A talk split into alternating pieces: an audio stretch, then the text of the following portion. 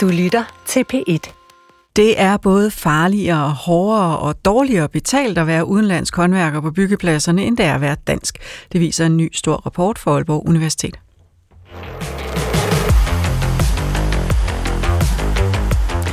Danmarks største slagterikoncern, Danish Crown, melder om krise. Den kan ikke følge med de priser, griseproducenterne kan få i udlandet. Og det betyder færre arbejdspladser på danske slagterier. Men er krisen forbigående, eller er der noget større på spil?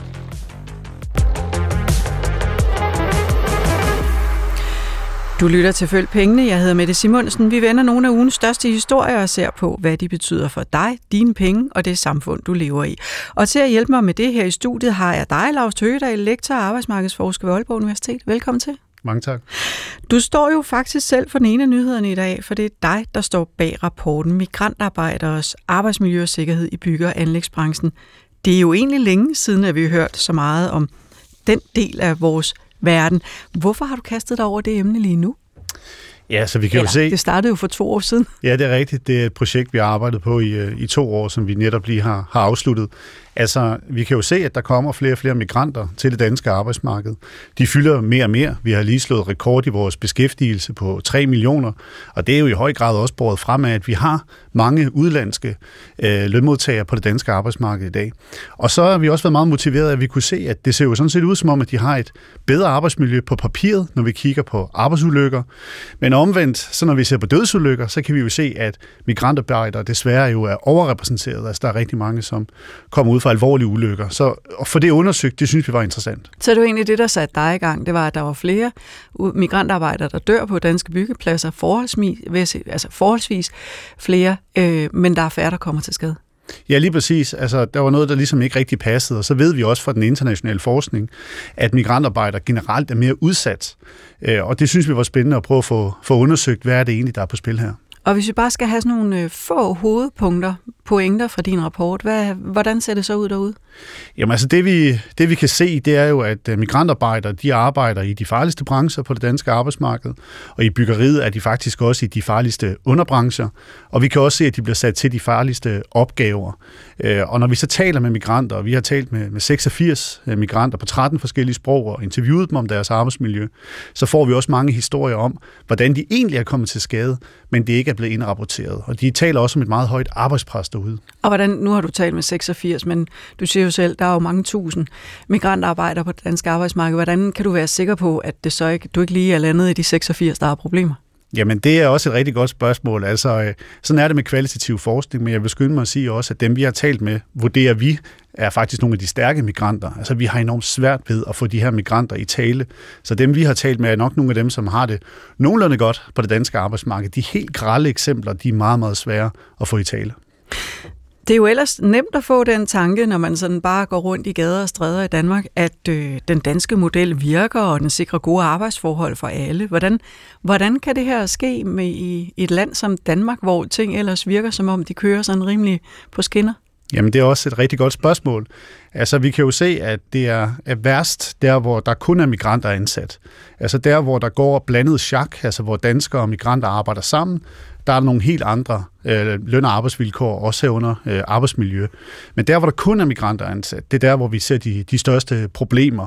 Og migranterne er enormt afhængige af deres arbejdsgiver mange gange. Ofte så er det arbejdsgiveren, der stiller en bolig til rådighed. Og den afhængighed, den gør også, at de er meget, meget bange for at sige fra, og de lever sådan set, de fleste af dem, under en konstant trussel om fyring. Så der er en klemme på dem, som gør det svært for dem at sige fra. Du har lavet rapporten med støtte fra fagforeningen 3F, og så kunne jeg jo godt tænke mig at spørge dig om, hvad betyder det for rapporten, at dansk industri, altså arbejdsgiverne, ikke er med? Ja, altså forskningen må jo tale for sig selv. Altså, det er det mest omfattende studie, der er lavet i, øh, i Danmark. Vi øh, laver blandede metoder. Vi har både registeranalyser, og vi har som sagt øh, 86 interviews. Og meget af det er jo sådan set allerede også udgivet videnskabeligt. Så forskningsresultaterne, de, de holder sådan set meget godt vand. Og man kan sige, at i rapporten, hvis man nærlæser den, så er der jo også nogle ting, som måske også går fagbevægelsen lidt imod. Fagbevægelsen som en af arbejdsmarkedsparter har jo også et ansvar for noget af det her. Ikke? Så man kan sige, sige, vi peger jo på mange forskellige problematiske forhold, som jo ikke kun handler om arbejdsgiverne eller tilsyn. Det handler sådan set om, om alle de tiltag, der er omkring arbejdsmiljø.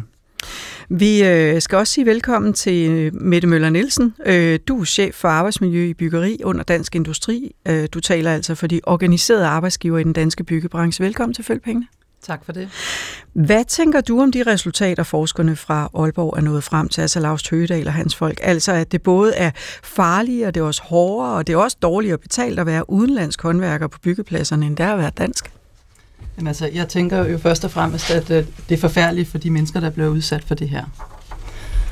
Så tænker jeg også, at øh, vi har en, en, en aftale om, at vi samarbejder om arbejdsmiljø med fagbevægelsen, og vi har et erklæret mål om, at vi skal have færre ulykker, vi skal have mindre nedslidning, og vi skal have trivsel på, øh, på, på byggepladserne. Det er vi også enige om. Øh, så i dansk industri, der vil vi rigtig gerne kunne fortsætte med at tiltrække øh, udenlandsk arbejdskraft, fordi det er jo sådan set det, der holder gang øh, i, i, i, i produktiviteten. Øh, og hvis vi skal fortsætte med at have udenlandsk arbejdskraft til Danmark, ja, så skal vi jo også have styr på at få lukket de huller, som der peges på her i rapporten. Men hvorfor er det, I ikke har været med til at belyse det her problem? Fordi det får jo faktisk til at se fremstå sådan lidt ligeglade egentlig. Ah, det ved jeg ikke helt, om, om, om, det, øh, om det det gør, øh, men altså det har jo noget at gøre med, at vi siger, at vi, vi samarbejder om øh, arbejdsmiljøet, og, og, og der har, det, det var en lidt knoldet historie, som, øh, som jeg tænker, at øh, den er ikke så interessant. Øh, men normalt så er det jo kendetegn ved, at vi samarbejder om arbejdsmiljø, og vi, vi sammen bliver enige om at kigge på data, og sammen bliver enige om, hvordan det skal foregå, og sammen bliver enige om, hvordan, hvordan gør vi så, når vi skal ud og, og, og, og publicere og lære af det. Øh, og den enighed, den blev vi altså ikke, den, den opnåede vi ikke den her omgang. Okay. Vi skal også sige uh, goddag til Palle Biskov, næstformand og forhandlingssekretær i byggegruppen under fagforeningen 3F. Velkommen til Følgpengene. Tak skal du have. Palle Biskov, du har arbejdet med området siden øh, de første polske håndværkere kom tilbage, eller kom tilbage, kom til Danmark, undskyld, i starten af nullerne. Hvordan er vilkårene for, for øh, migrantarbejdere nu i forhold til i starten? Øh, jeg tror i hvert fald ikke, man kan sige, at de er blevet afgørende bedre. Som rapporten også øh, meget klart øh, siger, øh, så er migrantarbejderne forskelsbehandlet. De bliver generelt set behandlet dårligere på det danske arbejdsmarked. De, øh, øh, Lars siger det her med, at, at øh, øh, dem, der arbejder kun udlændinge sammen, har det ringere end dem, øh, de danskere, vi sammenligner med i den her rapport. Øh, og vores oplevelse er jo, at de næsten altid arbejder alene. De det er undtagelserne der, hvor der er tale om blandet chak, og som er de gode historier af det her. Øh, så vores billede i alle de sager, vi fører, sidste år førte vi over 500 sager om øh, social dumping, de viser det samme billede, som, øh, som rapporten gør. Altså en øh, meget voldsom forskelsbehandling, øh, hvor udenlandsk arbejdskraft er bange for at organisere sig. De er bange for at snakke med arbejdstilsynet, de forsvinder, eller forlader arbejdet, når arbejdstilsynet kommer. Øh, det er det samme, vi oplever, når vi kommer på pladsen. Øh, truslen om fyring, truslen om ikke længere at have sin bolig osv., den er meget overhængende. Og det var egentlig også meget de samme historier, vi hørte tilbage i, i nullerne, hvor jeg også selv dækkede historier om migrantarbejders øh, vilkår i Danmark. Mette Møller Nielsen, hvorfor kan den slags arbejdsvilkår egentlig stadig forekomme i 2023? Jamen altså, rapporten peger jo på, at det forekommer nogle steder, og, og vi må jo sige, at vi, har, øh, et, vi er enige om, at øh, arbejdsmiljøloven skal overholdes. Vi er også enige om, at vi skal overholde de aftale, det aftalesæt, vi nu har i overenskomsten, hvor vi også har et øh, system for, hvad man gør, hvis det, hvis det, øh, hvis det viser sig ikke at være tilfældet. Øhm, og Altså, så længe vi er på det ordnede arbejdsmarked, så er der en interesse for at opnå det her med, at vi øh, får øh, styr på arbejdsmiljøet, og vi får anmeldt, når det ikke foregår rigtigt. Øh, her tyder det på, at der foregår noget parallelt, som vi skal have, øh, finde ud af, hvordan vi kommer til livs. Som ikke ligger under det ordnede. Altså, er det, er det, er det jeres medlemmer, der står, har de her arbejdspladser, eller er der også, øh, det skal jeg lige forstå, altså er der også håndværksvirksomheder, som ikke er organiseret hverken det ene eller det andet sted? Altså for det første er der jo tale om en rapport, der blev offentliggjort i dag, så, og, og jeg ved ikke, hvordan empirien ser ud bagved. Altså hvem er det, der er blevet talt med? Jeg ved ikke, om det er store eller offentlige bygherrer, eller om det er små, øh, små hvad hedder det, øh, håndværker eller små bygherrer, der får lavet noget på deres hus. Det spørger vi da bare Lars om. ja. Han kender rapporten ud og ind. Lars Tøgedal, øh, lektor og arbejdsmarkedsforsker for Aalborg, Univers- Aalborg Universitet, og det er jo også dig, der står bag den her øh, rapport. Altså, er det, hvem er det, der står bag de her arbejdspladser? Ja, det kan faktisk være svært at svare på. Altså, vi har haft meget, meget svært ved at få små arbejdspladser ind. Altså, det har været enormt svært for os at finde også migrant, øh, migranter, der har arbejdet på små øh, arbejdspladser. Så det er ikke ude i øh, sommerhusområdet i Vestjylland. Det er relativt store arbejdspladser. Dem, som vi har talt med, arbejder på. Øh, og det er en blandet flok. Altså, de er mange forskellige steder, så man kan ikke bare skære dem over en øh, kamp. Altså, det er klart nok, det vi kan se, det er, at der er nogle særlige udfordringer de der steder, hvor der kun er migrantarbejdere, og også hvor det er altså udlandsk eget virksomheder også. Ikke? Men men vi, kan ikke, vi kan ikke sætte to streger og sige, at det er lige præcis her, vi finder det. Palle Bisgaard, hvad er din oplevelse, når I er ude på pladserne? Jamen altså, de, de øh, 500 sager, som jeg refererer til før, det er jo kun organiserede arbejdsgiver. Så, så øh, der, er, der er rigtig mange sager med organiserede arbejdsgiver, også blandt det her. Men jeg vil også bare lige sige, at denne her rapport er jo usædvanlig på den måde, at 70 procent af dem, der deltager i interviewene, faktisk er organiseret. Og, og desværre, øh, så kan vi ikke prale af, at, øh, 70, at vi organiserer 70 procent af udenlandsk arbejdskraft. Så øh, lidt ligesom Lars sagde før, altså vi er jo bange for, at en chokerende rapport i virkeligheden viser øh, ikke et glansbillede, men et bedre billede, end det måske er i virkeligheden. Så du frygter faktisk, det endnu værre derude? Det gør jeg, absolut. Og, og øh, jeg tror også, altså det er jo samme oplevelse, vi har, når vi kommer på byggepladser. Altså rigtig, rigtig mange ønsker ikke at, at snakke med os, øh, når vi kommer på pladserne. Og øh, det gør de jo, fordi den her frygt er der. Og det er klart, at jo større byggepladserne er, jo længere tid de varer, jo nemmere har vi ved at organisere og få en fortrolighed til de her arbejdere, så de fortæller os, øh, hvad der foregår i virkeligheden. Lars Tøgedal, deler du den bekymring, at din rapport faktisk godt kan give et lidt pænere billede af, hvordan det er derude, end det faktisk forholder sig? Ja, det kan jeg faktisk godt. Altså som jeg sagde indledningsvis, og det er ikke kun os, det er også vores øh, kollegaer, der forsker i det her, både herhjemme, men også internationalt, der ved vi bare, at det er enormt svært at få de her migranter i tale, øh, fordi de lever under en konstant trussel om fyring, og mange gange er de også på dele af arbejdsmarkedet, hvor der også kan foregå noget kriminelt. Så de har øh, det meget, meget svært med at tale med, med alle, også øh, forskere. Øh, så, så som jeg sagde indledningsvis, så tror jeg faktisk, at altså dem vi har fået fat i, er nogle af de stærkere migranter, ikke dem, der står aller, aller svagest. Vi har øh, blandt andet tre ukrainske flygtninge i vores undersøgelse, og det skal man passe på med at generalisere en hel masse omkring, men det er nogle af dem, vi kan se, der står aller, aller svagest. Det var øh, en af de punkter, hvor jeg tænkte, ej, okay, der, som, som du har, har skrevet i din rapport. Prøv lige at fortælle, hvad det er, de oplever. Jamen altså, det, det er jo virkelig noget af det mest grælde, vi har set, altså hvor, hvor det tangerer jo til øh, menneskehandel, og hvor det er nogle meget, meget kummerlige øh, vilkår, som jo øh, intet har med, kan man sige, hverken social dumping eller brud på arbejdsmiljøloven. Det er decideret arbejdskriminalitet, hvor, hvor mennesker simpelthen bliver udnyttet for en økonomisk gevinst. Øh, så, så, og de, de historier er der altså også på det danske arbejdsmarked, men de er bare enormt svære at få afdækket, fordi de her mennesker, de er er meget, meget bange for at tale om det, de har oplevet. Mette Møller Nielsen, du markerer. Ja, altså, når, altså for god ordens skyld vil jeg jo sige, øh, der er jo også, øh, sådan som jeg forstår det, nogle, nogle gode eksempler i rapporten, og det er jo også det, vi hører fra, fra vores medlemmer. Der er faktisk rigtig mange medlemmer, som arbejder på at få, øh, få styr på forholdene for, for de ansatte. De, øh, de forholder sig til, hvordan, hvordan, skal, hvordan skal deres camp bedst indrettes, hvordan skal, hvordan skal vi sikre, at de bedst bliver integreret, øh, skal vi hjælpe dem med at lære sprog. Øh, jeg ved, der er en udfordring, det er som om, at, øh, at, at de udlændinge, der har været her i mange år, der, og, og dem, der er gift, så ser det åbenbart ud til, at det er kvinderne, der lærer dansk, og, og, og, det, og der halter mændene bagud. Og, og det kan vi jo se i rapporten, at det er flest mænd, der arbejder i bygge og anlæg, så måske er der en, mm-hmm. noget, vi, vi sammen skal finde ud af at, at udfordre her. Vi har også lavet en hel del ting sammen med, med, med 3F, øh, hvor du kommer fra, Palle, som netop handler om det her med samarbejde, og hvor vi lægger særlig vægt på udlændinge. Og vi skal blive ved med at gå ud og undersøge, hvad er, når det går godt på de store statslige bygherrer og på, på de mindre projekter, hvad er det så, der har gjort sig gældende der, og hvad kan vi lære af? Hvad, er, hvad har virksomheden fået, fået ud af det, og hvad har de udenlandske øh, medarbejdere fået ud af det, så at vi kan høste de gode erfaringer og brede det videre. Jeg vil gerne komme bag til det konstruktive lige om mm. lidt, fordi jeg synes faktisk stadigvæk, at vi mangler at få nogle lidt flere billeder på, hvad det egentlig er, der foregår hvad der også foregår ude på de danske byggepladser. Lars Tøgedal, du har jo gennemført et væld af de her interviews i forbindelse med, med den undersøgelse, du har lavet.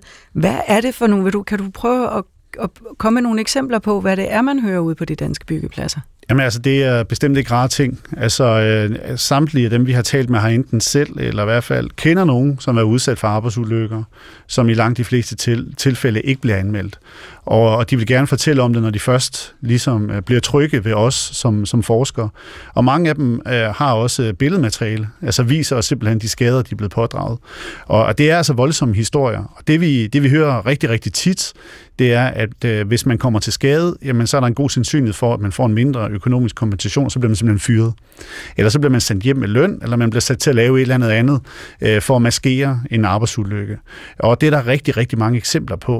Også migrantarbejdere, der kommer til og, og bliver bedt om at arbejde, selvom man måske har slået en finger. Eller, Men hvad, hvad er interessen i at sløre en ulykke?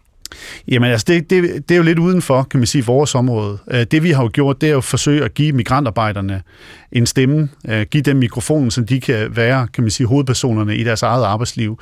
Øh, det der med, hvad der er motiver bag, det kan man jo kun gisne om. Men jeg tror nok, at vi godt kan sige med rimelig sikkerhed også, at der desværre er jo nogle arbejdsgiver, nok ikke dem, der er organiseret, men, men nogen, som, som spekulerer i dårlige arbejdsmiljø også, for en økonomisk gevinst. Altså alle migranterne siger faktisk uden sammenligning, eller uden nogen undtagelser, at, øh, at de oplever et enormt stort arbejdspres. Altså de bliver bedt om at arbejde rigtig, rigtig hårdt. Øh, så tidsplaner, økonomiske gevinster, det siger de alle sammen, at det kommer altid før øh, sikkerhed. Øh, og, og det, er jo, det er jo et kæmpe problem. Men man hører jo også nogle gange om håndværkere på byggepladser, der synes, det er altså lidt besværligt med alt det der sikkerhed at jeg har da set øh, håndværkere sådan gå på de der knækstiger, eller hvad de hedder, bukstiger. Det ved du bedre, end jeg gør, Palle Bisgaard. Mm. Altså, fordi det er nemmere lige at gå med den, i stedet for at skulle hele vejen ned og flytte stigen og så op igen. Vinerstiger, undskyld, det er det, de hedder, ja. Mm. Tak. Altså, er det, er det også, er det også, hvad skal man sige, det, det, er det også deres eget ansvar nogle gange, eller deres egen skyld, at, at det bliver lidt maligt nogle gange, og så sker nogle af de her ulykker? Altså selvfølgelig har migranterne, alle lønmodtagere har jo også et ansvar for eget sikkerhed på en eller anden måde. Noget af det, vi jo så ofte har hørt, og det synes jeg er en rigtig interessant pointe, vi har kommet frem til i rapporten, det er jo, at man siger, at mange af de her migranter måske tager deres dårlige sikkerhedskultur med fra deres hjemland. Men rigtig mange af dem her, skal man bare huske på, de har ikke arbejdet på en byggeplads i deres hjemland. De har gjort karriere i Vesteuropa og nogle gange kun i Danmark. Hele deres karriere. Ikke? Så, så hvis de har en dårlig sikkerhedskultur med sig, så er det altså noget, de har lært hos os, og ikke noget, de tager med fra Rumænien og så videre. Og det synes jeg sådan set er en, en ret god øh, pointe. Mm. Palle Bisko? Ja, det er også bare fordi, jeg, jeg synes jo også, at et af de øh, voldsomme øh, findings i den her rapport, det er jo det der med, at at altså, rapporten skriver på et tidspunkt, at det her det er jo nærmest et katalog i snyd og bedrag. Altså, fordi migranterne i den her rapport bliver jo ikke, den, den handler jo om arbejdsmiljø, de bliver jo ikke spurgt til løn og arbejdsvilkår. Men alligevel snakker alle migranterne om, at de bliver snydt, og de bliver presset, så de kommer op til en øh, 37-timers overenskomst, men arbejder mange flere timer, og får i virkeligheden kun løn øh, for de 37 timer. Øh, vi hører også om, at øh, de har, der er en stående besked på byggepladserne om, at hvis arbejdstilsynet nærmer sig, så skal de stoppe arbejdet. Så skal de sætte sig i skur, og så skal de ikke lave noget. Fordi de ved godt, at hvis arbejdstilsynet kommer på besøg, så skal de tage dem på færre skærning. Så hvis de sidder i skuret, eller hvis de går øh, et andet sted hen, eller ikke laver noget, ja, så øh, er arbejdstilsynet der et stykke tid, og så forsvinder de igen. Fordi det afgørende er, at de ikke øh, bliver taget i, i noget forkert. Og når de så skal lave noget arbejde, der er rigtig farligt, så skal det foregå om aftenen fordi der kommer de oftest ikke. Så det farlige arbejde, det skal være om aftenen. Mette Møller Nielsen, du markerer. Nå, altså, jeg synes, vi generaliserer nu. Altså, vi siger, fordi at uh, Lars har talt med nogen, så er det sådan for alle udlændinge, fordi at uh, Palle, uh, at der står et sted, at der det er en stående... synes jeg ikke, han siger. Nej. Du har også lige fortalt, at der, hvor man arbejder, på, og det har Palle Biskov også talt om, at der, hvor man arbejder sammen i chak, hvor der er blandet danske og udenlandske håndværkere, der går ja. det sådan set meget godt. Ja, Øhm, og det er noget af det, vi, vi kan se. Altså, og jeg vil godt tilbage til den der med, øh, at der er en stående ordre om, at øh, man skal fordufte, når øh, arbejdstilsynet kommer. Og det er altså ikke øh, en, som jeg har hørt nogen som helst af vores medlemmer tale om. Tværtimod, så er det, at man skal tage godt imod arbejdstilsynet, fordi det er nogen, der skal hjælpe en øh, videre med, med arbejdet. Øhm, og så altså, jeg, jeg synes, at, at begynde at sige det, fordi at der er et citat, at det er en stående besked, der er på byggepladser. Øh, det er altså ikke noget, som jeg kan genkende. Men hvor mange af arbejdsgiverne er, er organiseret i dansk industri, og, og hvor mange øh, kører, hvad skal man sige, kører bare deres eget løb? Altså det kan jeg jo ikke vide øh, ud fra, fordi jeg, der er jo tale om en rapport, der blev offentliggjort i dag, og jeg har kun set øh, hovedkonklusionerne. Nå, men jeg øh, tænker, hvor mange, hvor mange af arbejdsgiverne på byggeområdet har ah, dansk den industri måde, ja, i? Ja, vi har cirka 6.000 medlemmer, og cirka, øh, de har cirka 100.000 øh, ansatte, og jeg tror, det er sådan, Palle, nu må du lige rette mig, men er det ikke omkring 130, der er aktive inden for bygge og anlæg øh, i dag, og så er der jo også nogle organisationer, der vi, vi, er, vi er ikke alene på markedet. Så det er sådan, er øh, i meget rundtal, mm. så er det cirka en tredjedel, der, der er dem, der arbejder i den danske byggebranche, som ikke er organiseret, og som, der også... som har valgt at, at, at arbejde under, øh, i hvert fald at søge hen mod ordnet forhold. Øh, og, det, og det er jo så også det, der kendetegner det, at, øh, at dem, som øh, er medlem hos os, og som søger vores råd og vejledning, det handler nemlig om, hvordan får vi gjort det her på den rigtige måde. Men hvordan forsøger I at få udenlandske arbejdsgiver til at organisere sig hos jer? Jamen, altså... Øh, det er jo et, et løbende samarbejde, vi faktisk har med, med fagbevægelsen. Øh, det er også noget, som, øh, hvor, hvor vi også får hjælp, øh, kan vi sige, af, af store bygherrer, der siger, at I skal være overenskomstdækket. Der er vi hjulpet af den danske model, og selvfølgelig opsøger vi jo også, når vi ser virksomheder, som kunne være interesseret i et medlemskab hos os. Pelle Bisko? Ja, altså jeg bliver nødt til at anholde øh, det her med, at, at der er en, der har sagt, at arbejdstilsynet, at hvis arbejdstilsynet kommer, så skal man indstille arbejdet. Mm. Altså rapporten er en videnskabelig rapport, som vi må øh, gå ud fra er retvisende. Øh, det, det er, der er ovenikøbet rigtig, rigtig mange øh, interview i denne her, her rapport i forhold til så mange andre øh, lignende studier, og det er altså et generelt problem, at det er en instruks, der er for den udenlandske arbejdskraft. Og det er den samme øh, erfaring, vi har, når vi besøger udenlandsk arbejdskraft, at øh, øh, der, der findes sådan nogle instrukser. Der findes også instrukser om, du skal sige, du får så så meget i løn. Du skal sige, du arbejder 37 timer. Og det er en instruks, man har fået af virksomheden, fordi man forsøger at gå under øh, radaren, både i forhold til os som fagforeninger og til myndighederne.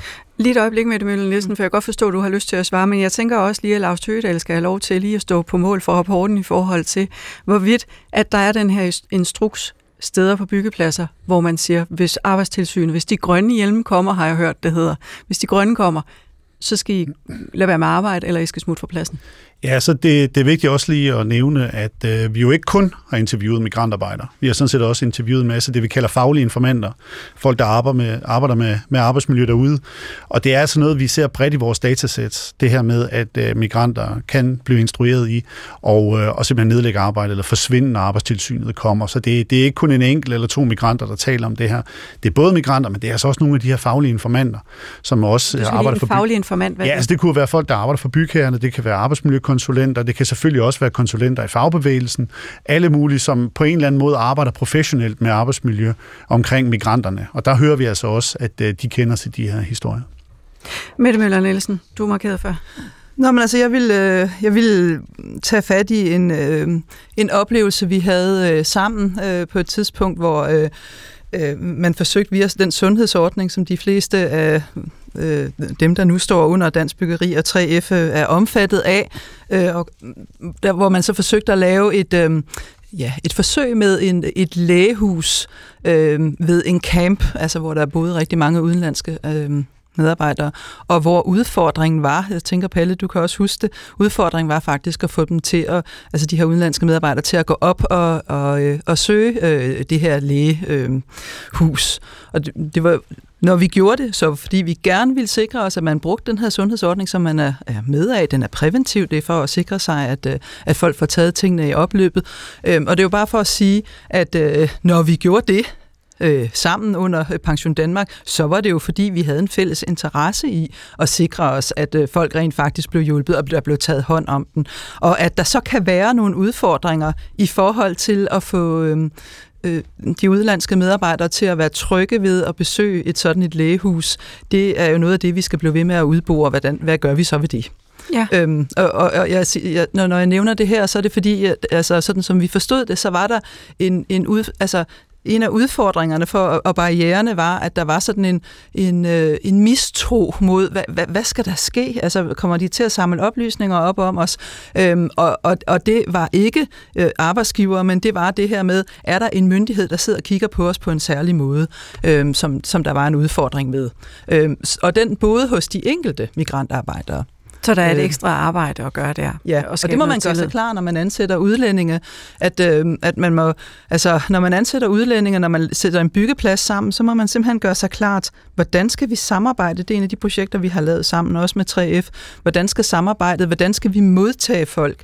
Det handler ikke kun om sprog, det gør det i høj grad, men det handler også om kulturelle øh, øh, forskelle. Hvordan instruerer vi på en måde, så folk de øh, rent faktisk øh, tager øh, viden til sig, og rent faktisk siger, åh stop, det forstod jeg ikke. Øh, Men I har haft 20 år Ja. til at, at, at udvikle et system, Ja. skabe tillid, og, og til at få fat i de her udenlandske arbejdere. Altså Ja. 20 år, hvor meget mere tid skal I bruge?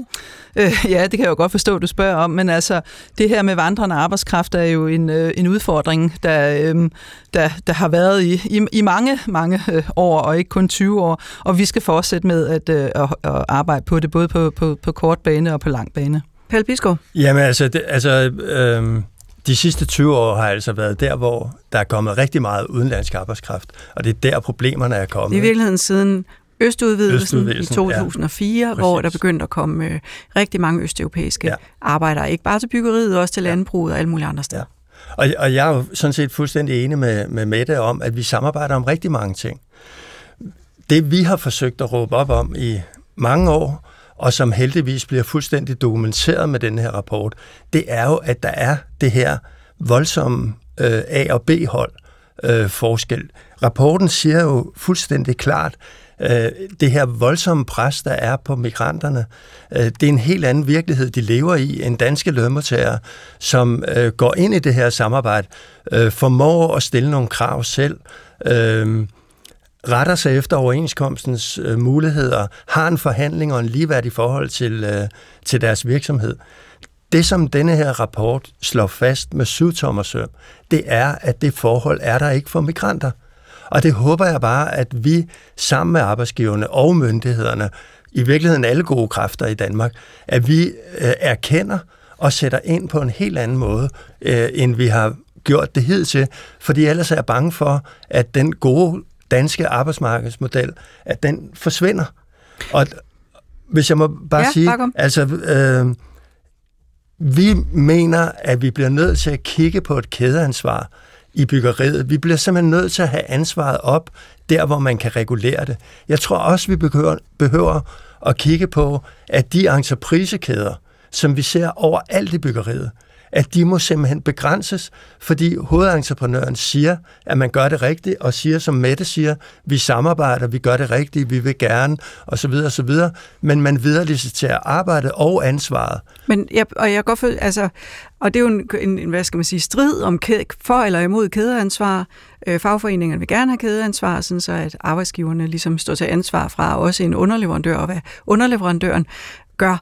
Øh, øh arbejdsgiverne har ikke været så interesseret i det her kædeansvar. De synes, det er for omfattende og for svært at have helt styr på, hvad en, en underleverandør øh, gør et eller andet sted.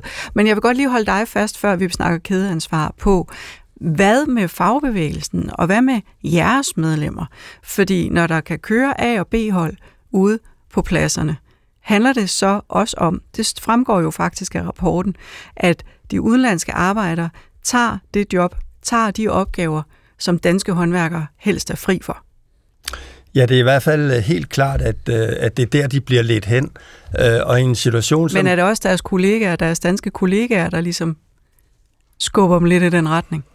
Det kan jeg nok ikke helt afvise i hvert fald. Altså man kan i hvert fald sige, at danske øh, kollegaer tager det bedste job, hvis man kan sige det på den måde, så længe der er fuld beskæftigelse. Jeg vil bare sige, at, at da vi havde finanskrisen fra 9 til 11-12 stykker, der var jo det jo de danske håndværkere, der blev fyret, og de udenlandske håndværkere, som blev her.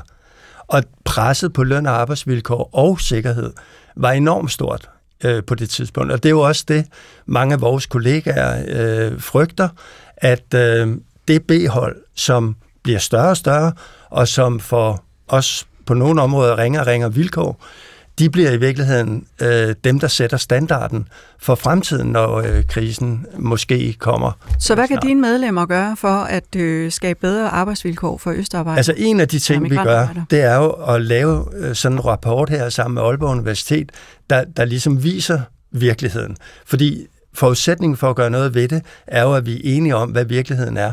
Det næste er jo, som øh, vi for eksempel lige har snakket om, vi øh, diskuterer rigtig meget med vores store chak, at de skal være åbne over for at blive blandet. Det, der bare er problemet, er, at der er ikke nogen virksomheder, der ved det. Altså, de vil gerne holde medarbejderne i rene udenlandske chak, fordi det er der, det her pres, som rapporten øh, dokumenterer, det kan komme til udtryk. Mette Møller Nielsen, den skal du have lov til at svare på. Vil, vil din, dine medlemmer, de er ikke interesserede i at blande chakene? Jamen, altså, øh, ja, nu er det jo først, altså, øh, det er ikke en, jeg har været præsenteret for, og jeg har ikke været præsenteret for, at, øh, øh, at der skulle sidde nogle arbejdsgiver på, øh, på hælene i forhold til, at øh, man blandede sig i chakne. Chakne er jo øh, ofte nogen, som selv, øh, selv øh, der er en chakmejs, der sætter det her chak og beslutter, hvem skal ind og hvem skal ud. Og Palle, der tænker jeg, den, øh, den, øh, den må jo altså også ryge tilbage til, øh, til arbejdstagerne øh, for at sikre sig, at, øh, at altså, hvis det er noget, I gerne vil arbejde arbejde med, så tænker jeg, så har I alle muligheder for det. Jeg er ikke bekendt med, at der er nogen, der skulle have sagt nej til, at der skulle komme, at der skulle være nogle udlændinge i et bestemt chak.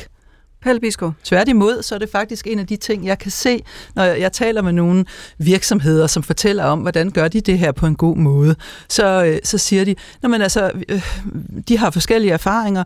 Nogle har erfaringer med, at, øh, at der, hvor de har nogle, nogle få udlændinge til at gå sammen med flere danskere, så fungerer det godt. Jeg hørte også om en stor anlægsvirksomhed, som, som du ved, altså ud over at de havde det her organiserede arbejdsmiljøgrupper og arbejdsmiljøorganisation, så kunne de se, det haltede lidt efter for deres udlændinge, og hvor de så lige forsøgsvis prøvede at lave et lille netværk for, for udlændinge øhm, øh, ved siden af, for at det der kunne tale arbejdsmiljø. Og jeg vil være meget ked af, hvis det bliver hængt ud til, at det er forkert, at de gør det, fordi det er noget ekstra, man forsøger her at sige, vi har lige brug for at få en lidt tættere snak med dem her, for at høre, hvad er egentlig udfordringen hos dem.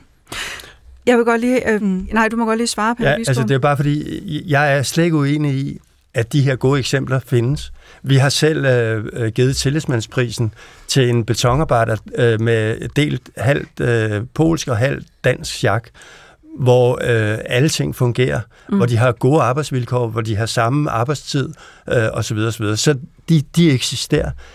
Rapporten viser bare, at det er en tiende del af de interviewede, som er i kontakt med de her gode forhold. Og øh, det, som jeg taler om, er jo, at virksomhederne i underentrepriserne, de ansætter kun enten danskere eller udlændinge, og dermed blokerer de for det. Og det er det, der sker hos underentreprenøren. Og det er øh, øh, øh hovedentreprenøren jo kun herre over, hvis han øh, udtrykkeligt siger, at han vil have indflydelse på det. Vi skal lige helt hurtigt forbi, fordi i foråret der kom der en ny overenskomst for 80.000 ansatte i byggeriet, og her blev der aftalt et boligtillæg. Det træder i kraft til nytår, så vi kan jo ikke rigtig se endnu, om det virker. Men tillægget betyder, at når de udenlandske ansatte arbejder på, til mindstelønnen, så har de krav på et tillæg på 25 kroner i timen. Mindstelønnen bliver dermed reelt hævet til 167 kroner i timen i op til 12 måneder. Og så er der lige den ene undtagelse, at tillægget bortfalder, hvis arbejdsgiveren altså stiller en passende bolig til rådighed. Og det har vi lige hørt, det er måske ikke nødvendigvis den, den gode vej at gå for, for udenlandske håndværkere. Men jeg kunne godt tænke mig at høre dig, Palle Bisgaard. 27.000 kroner om måneden svarer de her 167 kroner i timen til ved en normal månedsnorm. Hvor mange af dine medlemmer går til den løn lige nu? Ja, det er der ikke så mange af dem, der gør. Altså, de fleste går til en løn, der er bedre. Mm. Øh, men, men vi anerkender jo sådan set, at det her boligtillæg er et skridt på vejen til øh, ligebehandling. Det er ikke tilstrækkeligt, og vi kommer også til at forhandle det her øh, mange overenskomster fremadrettet, tror jeg. Men jeg håber, at det her fordi det her er et udtryk for, at arbejdsgiverne for første gang har erkendt, at der er en forskelsbehandling, som vi bliver nødt til at tage nogle andre værktøjer i brug for at, at, at, at spille op med. Øh, jeg tror langt fra, det er nok, men jeg håber, at det vil have en øh, rigtig god betydning for, øh, hvordan i det mindste løn- og arbejdsvilkår er for migranter. Mette Møller Nielsen, hvorfor får migrantarbejderne egentlig mindre i løn end deres danske kollegaer? Altså, det ved jeg ikke om rapporten. Jo, det siger den nogle steder, men det er ikke det, der er blevet undersøgt, så det er nogle bisætninger, det er kommet med, så jeg synes ikke lige helt, at vi kan Nej, men nu har vi lige hørt 167 kroner i timen øh, på mindsteløn med det her tillæg, og øh, det er ikke det, Palle Biskovs øh, folk går til. Jamen, det er jo sådan, at en løn for en, øh, for en bygningsarbejder arbejder, den bliver jo sammensat med udgangspunkt i, i overenskomsten, og så, så er der forskellige tillæg alt efter, hvordan øh, byggepladsen ser ud, øh, og det gælder uanset om du er udlænding eller om du er dansker. Okay. Men lad os så høre, hvordan, altså, hvad skal der så til for at rydde op i det her? Hvad, hvad, øh, og det vil jeg gerne starte hos øh, dig, Lars Tøgedal. Hvad skal der til for, at man sikrer ordnede vilkår for alle de medarbejdere, der er i byggebranchen, uanset hvor de kommer fra? Jamen altså i rapporten, der har vi jo samlet en masse forslag, som jo egentlig ikke er vores forslag, men som ting, vi har samlet op ved at tale med alle de mennesker, vi har talt med. Og der er jo ting, der peger i retningen af kan man sige, et tilsyn, altså statens opgave, men der er også mange ting, som i høj grad tilfalder arbejdsmarkedets parter. Og så noget af det, som vi kan se øh, fungerer godt, det er det, vi har snakket meget om. Altså hvis migranterne på en eller anden måde har en krog ind i det danske samfund, det kan være i at gå i blandet chak, det kan faktisk også være at have en dansk kæreste, eller måske have en dansk arbejdsgiver, som tager en øh, ind under vingen og siger, at det er sådan, vi gør det her i Danmark, vi skal passe på hinanden, så er det det, der virker øh, allerbedst. Men så kan man sige, at i de tilfælde, hvor der er nogle arbejdsgiver, som systematisk snyder med det her, jamen der er klart, der er det jo et tilsyn, der skal til. Der er nok ikke lige arbejdsgiveren, der kommer og tager... Nej, præcis. så det er en bred palet, men jeg synes, øh, altså noget af det, der bliver sagt, er, er jeg meget enig i. Også det med, det siger, altså omkring det her med at, at, at være opmærksom på, at der er nogle kulturelle forskelle, at de her migranter, altså det der med at have en formel sikkerhedsinstruktion, er måske ikke nok. Der skal noget mere reelt til, at man er nødt til at følge op, måske på en anderledes måde, når det handler om migranter, sammenlignet med danske lønmodtagere. Så der er mange ting, man kan gøre, og det kan man også læse mere om i rapporten. Øh, Palle Bisgaard, hvad mener du, der skal til for, at man får, øh, får, øh, får ryddet op i, øh, i det her? Ja, altså nu var vi inde på lidt af det. Altså jeg tror, at øh, en, en fornyet diskussion om et kædeansvar, hvor den, den hovedentreprenør, som har øh, Øh, magten til at ændre tingene og sætte øh, den vilje igennem, som, som han har, det er, det er vigtigt. Det er vigtigt, at ansvaret ligger der. Ansvaret for kvalitet, ansvaret for tidsplaner, alt muligt andet ligger øh, hos hovedentreprenøren. Det bør ansvaret for at overholde danske løn- og arbejdsvilkår og sikkerhed også gøre. Så, så tror jeg, at det der med at begrænse øh, entreprisekæderne, det tror jeg simpelthen er øh, helt afgørende, fordi vi kan se, øh, alle kontrolinstanser og også os selv, øh, vores egne sager, kan vise, at jo længere ned i entreprisekæderne du kommer, jo større er øh, omgåelse og svindel og de her øh, trusselsbilleder, som der kommer op her. Og så tror jeg, at vi bliver nødt til sammen med arbejdsgiverne og fokusere på. Øh, vi, vi får flere og flere øh, udenlandske kollegaer, og dem byder vi velkommen. Vi byder også udenlandske virksomheder velkommen. Men vi er simpelthen nødt til at, at kigge noget mere på, at de bliver integreret. At de ikke alle sammen holdes i lukket sjak, øh, hvor udlændingen er med udlænding og danskere med danskere. Øh, vi er nødt til på en eller anden måde at, at finde en metode til at, øh, at, at koble de her ting. Og så tror jeg også, myndighederne skal med i det her. Altså, når der er omgåelse af arbejdsmiljø, når der er omgåelse af løn øh, og arbejdsvilkår, så er der også omgåelse af skat, omgåelse af, af moms, øh, alle Det skal jeg så sige, ting. det ligger lidt uden for Lars Det ligger lidt uden for, men ja. det, er, det er i hvert fald vores erfaring med det. Ikke? det ja, det, men det har vi ikke lige stået og bevist ah, her i studiet, vil jeg sige. Øh, Mette Møller Nielsen, øh, nu siger Palle Biskov kædeansvar, jeg ved, at det, det strider lidt på dansk industri, når man begynder at tale kædeansvar. Ja, men kan I ikke skrive krav ind? Altså man kan vel godt indarbejde nogle krav i de kontrakter, man laver med underleverandører, om dagsbøder, hvis man ser, at de danske vilkår ikke overholdes, for eksempel. Så vi har jo et system for, øh, som hedder arbejdstilsyn, hvis øh, arbejdsmiljøreglerne ikke øh, overholdes, så det, det synes vi sådan set øh, er dækkende for det. Men det, vi kan Men det er jo se... lidt svært, hvis alle holder op med at arbejde, hver gang der kommer en grøn hjelm på plads. Det er der i hvert fald nogen her, der har gjort. Øh, vi kan jo se, der gives øh, påbud, øh, også hvor det er udlændinge, der har været her. Så, så, så altså, den præmis er jeg jo, som jeg jo også sagde før, ikke helt enig i, at det bare er sådan, det er, hver gang der er udlændinge. Men det er jo sådan set noget, Lars Tøgedal dokumenterer i sin ret store rapport, han har brugt ja. to år på.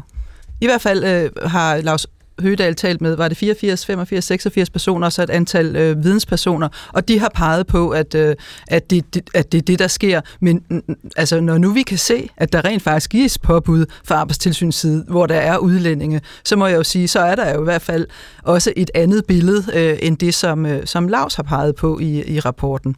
Det er en ting. Det andet, som vi kan, vi, vi kan sige, det er, det er i vores interesse, at vi skal fortsætte med at, øh, at have udenlandsk arbejdskraft. Vi skal fortsætte med at have god, øh, øh, god kvalitet i det byggeri, vi laver. En forudsætning for det er ordentlig produktion, det er, det er ordentlig planlægning, det er ordentligt samarbejde. Og når du har det, så har du også et godt arbejdsmiljø, og det skal vi blive ved med at tage fat i og se, hvad er den rigtige vej sammen her, fordi det er jo sådan, det er. Arbejdsmarkedets parter står sammen om det her, så vi skal finde ud af, at vi skal grænske det her, og vi skal se, hvad er det, vi skal lære af, hvad skal Men vi lave sammen. Men gør I nok, Mette Møller Nielsen? Gør arbejdsgiverne nok? Nu har haft udenlandsk arbejdskraft i Danmark i 20 år, og man hører stadigvæk om historier om flere dødsulykker, ulykker, der ikke bliver registreret, alt for meget arbejdstid, der bliver overarbejde, som ikke bliver honoreret. Gør I nok? Altså, det er 20 der, år, det er, alligevel, det er alligevel lang tid der er i hvert fald noget, der peger på her, at der er nogen, der er faldet igennem systemet. Og om det er øh, nogen, der er hos os, eller om det er nogen, der ønsker at være, som vi, vi kaldte det i starten der af nullerne, da de kom hertil, lykkerider, der kom hertil, som var villige til at lægge et nyt tag på fra en stige, i stedet for at stå på et ordentligt stilas. Der var vi jo nogle af de første, der var ude at sige, vi er simpelthen nødt til at have et tilsyn for, at, øh, at vi ikke udkonkurrerer, øh, hvad skal vi sige, øh, det danske bygge- og anlægsmarked øh, på, på virksomheder, på folk, der kommer og har lyst til at, øh, at sætte deres liv og lemmer på spil. Så er der en anden ting, vi kan se på i forhold til det der med kædeansvar. Altså det er vi jo øh, sådan set ikke interesseret i. Øhm, men øh, en ting, vi kan se, det er de steder, hvor man går rigtig meget op i, øh, i arbejdsmiljøet, og hvor man fra starten begynder at forholde sig til, hvordan har I tænkt jer at løse den her problematik, hvis I møder det entreprenør? Øhm, og hvor man begynder at nørde i, hvordan sætter, vi, øh, hvordan sætter vi den her byggeplads sammen, så det rent faktisk er et sted, hvor man samarbejder sammen. Øhm, så kan vi se, at der, øh, der, der er folk integreret, og det fungerer, og der, der sker færre ulykker, og så kan jeg godt se, at rapporten den er, har, at det faldet dem for brystet, at der er nogen, der rent faktisk fejrer, at uh, der er et antal dage uden uh, ulykker. Det kunne jeg slet ikke drømme om at se som et problem, fordi uh, jeg ser sådan set, at uh, de steder, hvor man gør det, så er det gerne fuldt op med, at man på, man på pladsen har en holdning til også at fejre, når der bliver uh, anmeldt ulykker, som vi kalder nærved hændelser, der hvor det ikke er gået galt, fordi man på den plads siger, her skal vi simpelthen løbende lære, og vi skal hele tiden i vores planlægning tage højde for, hvis der er sket uh, ulykker og, og lære af det. Det bliver altså de sidste ord, for vi skal videre til dagens næste historie. Vi skal sige farvel til nogen af jer nu. Tak fordi I var med her i øh, Følg Pengene. Mette Møller Nielsen, chef for arbejdsmiljø i DI Byggeri, og Palle Biskov, forhandlingssekretær i fagforeningen 3F. Og Lars Høgedal, du har lovet at blive hængende lidt endnu. Tusind tak for det. Du lytter til Følg Pengene. Danmarks største slagterikoncern melder om krise. Den kan ikke følge med de priser, griseproducenterne kan få i udlandet. Og det betyder, at Danish Crown nu faktisk mangler sit vigtigste råstof, nemlig grisene. Lars Høgedal, du er selv opvokset med grise, har du fortalt mig. Ja, måske ikke lige sådan direkte. men det er rigtigt nok, jeg er søn af en industrislagter, og min far var, tror jeg, det endte med 14 år på slagteriet i Jørgen, indtil det lukkede også. Så jeg har fået uh, Danish Crown uh, ind med modermælken, kan man sige. Ja, og uh, hvad hedder det, og har også interesseret dig for, for forholdene og vilkårene i, uh, i slagteribranchen. Vi skal sige goddag til vores uh, næste gæst, Michael Nielsen, vores nærmeste griseproducent her fra DR-byen i København. Du kommer fra, øh, du har 900 søer og producerer 27.000 smågrise om året fra Tilsbæk ved Slangerup nordvest for København. Velkommen til programmet. Tak. Udover at være griseproducent, så er du også andelsejer i Danish Crown, hvor du sidder, du sidder også i bestyrelsen, så du har jo sådan lidt to kasketter på i dag, kan man måske sige. Øh, og så skal jeg faktisk bede dig om at tage høretelefoner på, for vi har en gæst mere lige om lidt, som, øh, som er med på en linje. Men først så vil jeg gerne lige øh, spørge dig til, Øh, hvis vi nu begynder på gården, Altså, hvordan er det så at være griseproducent lige nu? Jamen lige nu er det faktisk øh, okay at være griseproducent. Øh, vi har da heldigvis øh, fået nogle stigende priser på grisekød og nogle lavere omkostninger, end vi havde for, for et års tid siden, hvor det var helt katastrofalt, hvor det kørte fuldstændig modsatrettet. Så fodret er faldet, og prisen ude i køledisken, de er? Fodret er faldet, og prisen på grisen er steget, ja. Ja. Du producerer smågrise, som du så sælger videre til andre griseproducenter der lever af at fede grisene op, indtil de skal slagtes. Hvorfor feder du dem ikke bare op selv? Jamen, vi har valgt at koncentrere os om den del af produktionen, der går fra at øh, gøre nogle søer gravide og få dem til at føde nogle grise, og så dermed øh, få grisene til at overleve og, og lære at klare sig, sådan så de øh, kan klare sig i, i en øh, slagtesvinstald. Og nu er jeg ikke sådan super meget for landet, så nu er der nogen, der sidder og vender øh, øjnene mod himlen, tror jeg, når jeg kommer med min næste spørgsmål. Men er der meget stor forskel på at koncentrere sig om at få smågrise og så at fede grise op? Det er jo et helt andet arbejde, der ligger i at, at få smågrisene født. Det, det er jo lige fra at få insemineret nogle søer til at lave noget fødselshjælp, til at behandle nogle øh, små nyfødte grise. Hvorimod, at man kan sige, at slagtesvineproduktionen den handler mere om at, at holde en høj hygiejne, få nogle grise til at optage noget foder og dermed vokse og blive store nok til at blive slagtet. Så det er sådan helt to erhverv nærmest? Ja, det er, der er noget forskelligt. Mm. Hvor meget mere vil du egentlig for din grise, hvis du øh, valgte at, øh, at sælge dem i udlandet? Fordi du har fortalt mig, at du vælger, har valgt at sælge dem i Danmark. Lige nu har man uh, stor problematik omkring uh, smågrisepriserne. Jeg sælger min gris, når den er tre måneder gamle, og, gammel og vejer cirka 30 kilo. Uh, og den pris, jeg sælger min gris til nu, det er det, man kalder en beregnet notering. Og det er hvor en, en pris, man har fundet ud af, hvor man deler sol og vind lige.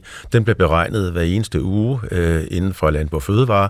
Og det er lige fra energi til mursten til uh, grisefoder til arbejdskraft til alting, man får fordeler, sådan så at jeg får den del af kagen, som jeg skal have den totale pris. Men øh, så har man også et eksportmarked for smågris. Der er meget stor små, eller efterspørgsel på danske smågris, øh, blandt andet Tyskland og Polen. Øh, og det marked, det suger simpelthen grise ud af, af den danske produktion, og det er til en væsentlig højere pris, fordi der er en kæmpe efterspørgsel på gris Men hvad får du for sådan en, øh, en smågris i Danmark? Jamen lige nu, der får jeg omkring en, en 500 kroner for sådan en gris, når den er, er tre måneder gammel. Og, hvad og hvis jeg den? kunne have solgt den til eksport, så vil jeg tro, den i dag ligger på omkring en 650 kroner. Så det er 150 kroner hver Ja, gang, det vil jeg tro. Der... du sælger en gris. Ja. Så hvor meget er det om året, du øh, går glip af? Jamen, hvis jeg øh, mister 150 kroner per gris øh, gange 27.000, så er vi jo nærheden af 4 millioner. Så det, det er mange penge. Vi skal høre lidt senere, hvorfor du vælger at gå glip af 4 millioner kroner om året. Det bliver lige en cliffhanger, som ja. vi kalder det. Ja. Men først så skal vi også lige hilse på Jakob Vesterlund Olsen, seniorrådgiver på Institut for Fødevare og Ressourceøkonomi og rådgiver myndighederne. Og du er også med, du er med på en linje. Velkommen til Følg Pengene. Tak for det. Kan du ikke fortælle mig lidt om, hvad det er for en udvikling, vi ser lige nu derude på, på grisemarkedet? Jo, det kan jeg godt. Jamen, øh, vi ser en... Øh et faldende soantal. Vi har igennem mange år haft øh, mere end 1 million søer i Danmark, men det er faldet til lige godt og vel 900.000 søer. Øh, så derfor så er der færre smågrise. Øh, og så ser vi høje smågrisepriser på eksportmarkederne, hvor lidt flere end, end normalt vælger at eksportere deres smågrise. Mm. Så men altså hovedparten af de grise, som slagterierne i Danmark mangler i øjeblikket, det skyldes faktisk øh, færre søer i Danmark øh, i højere grad, end at man eksporterer rigtig mange flere grise ud af landet. Og hvor, forsv- hvor er de der søer forsvundet hen, må jeg vil sige? Altså, hvor, hvor bliver de af? Hvorfor er der færre Jamen det... nu, end der var 10 procent færre nu, end der var for, for nogle år siden?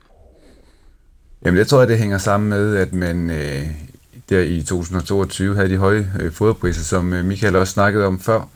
Øh, og der er nogen, der ligesom har taget deres øh, fremtid øh, som svineproducent op til revision, tror jeg, og, øh, og har valgt at lukke besætningen ned. Øh, og så hjælper det jo heller ikke på det, at der er sådan et, et ret dårligt investeringsklima for øh, svineproducenter i øjeblikket. Altså man ved ikke helt, hvor man står i forhold til en, øh, en CO2-afgift, og, og hele den politiske snak om, om gris i Danmark øh, fordrer måske heller ikke store investeringer i svineproduktionen, sådan som det ser ud lige nu. Mm. Så, så det er både sådan noget, øh, at det, det er ikke så fedt at sidde øh, ved middagsbordet og fortælle, eller til øh, fester og fortælle, at man er griseproducent, fordi at, at vindene måske, klimavindene, blæser lidt en anden retning. Øh, men det er også, at, at usikkerheden omkring, hvad vilkårene bliver for at være griseproducent, gør det svært at investere i nyt, og hvis, hvis nogen går på pension, så bliver de ikke rigtig samlet op, de hvad hedder det, går, eller den produktion, de havde. Er det rigtigt forstået? Ja, det er sådan, sådan jeg ser det. Ja. Altså, hvis man øh, skal ud og, og lave en rigtig stor investering, så skal man også øh, forvente, at det er noget, som giver et, et for, fornuftigt afkast på lang sigt. Og det er nogle langsigtede investeringer, man laver, når man øh, bygger en ny stald. Så er det måske både 20 og 30 år. Hvorfor, Øhm, jeg skal bare lige spørge dig om, hvorfor, for du sagde før, at priserne i Europa, de er faktisk højere. Der, der er slagterierne villige til at betale mere for, for, gri, for kød. Hvorfor er, slagt, altså, hvorfor er de det? Hvorfor, hvorfor kan de betale mere end for eksempel Danish Crown?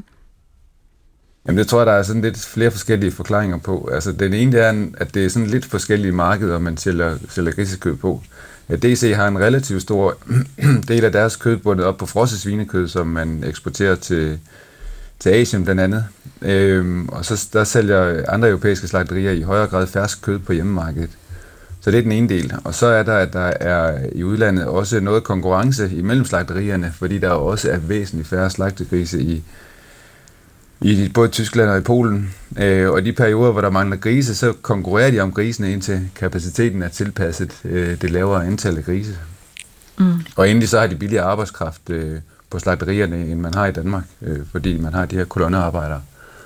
Øh, og så ved jeg selvfølgelig heller ikke, om Dennis Kraven øh, ikke godt kunne øh, optimere produktionen herhjemme. Altså det, det kan jeg ikke rigtig sige så meget om, fordi det kender jeg ikke så meget til de virksomhedsinterne forhold til. Men, Det tror jeg, Michael Nielsen måske kan. Hvor, hvor kan Danish Crown gøre ved med at optimere produktionen herhjemme? Det gør vi hele tiden, og det kommer vi til at fortsætte med. Nu spørger jeg dig også som bestyrelsesmedlem Ja, af ja, nu- Danish ja, Crown, så fik du en anden kasket på. Ja.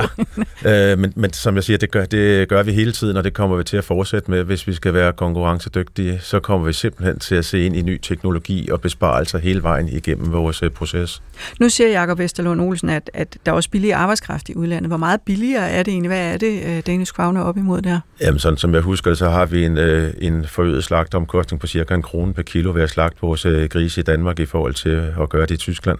Øh, så det er jo et, faktisk en, en stor del af den forskel, der er på, på noteringen i Tyskland og i Danmark. En krone per kilo, det, der bliver jeg sådan lidt, det siger mig ikke så meget. Hvad? Nej, men det er så rundt regnet 100 kroner per gris, øh, kan og man nu sige. sagde du lige, en gris kostede Øh, 650 kroner i udlandet og, og 500 og man kan her. Sige, ja, og, ja det, er, jo- det er jo så for en små gris. Nå ja, nu, nu undskyld, snakker ja, vi så nu om nogle helt andre priser, her. vi er ude i. Ja, og man kan sige, det vi jo egentlig diskuterer, når vi snakker konkurrencedygtighed, det er jo en forskel på øh, mellem 2 og 3 kroner kiloet i Danmark, øh, når vi måler os op imod, hvad den er i det øvrige Europa.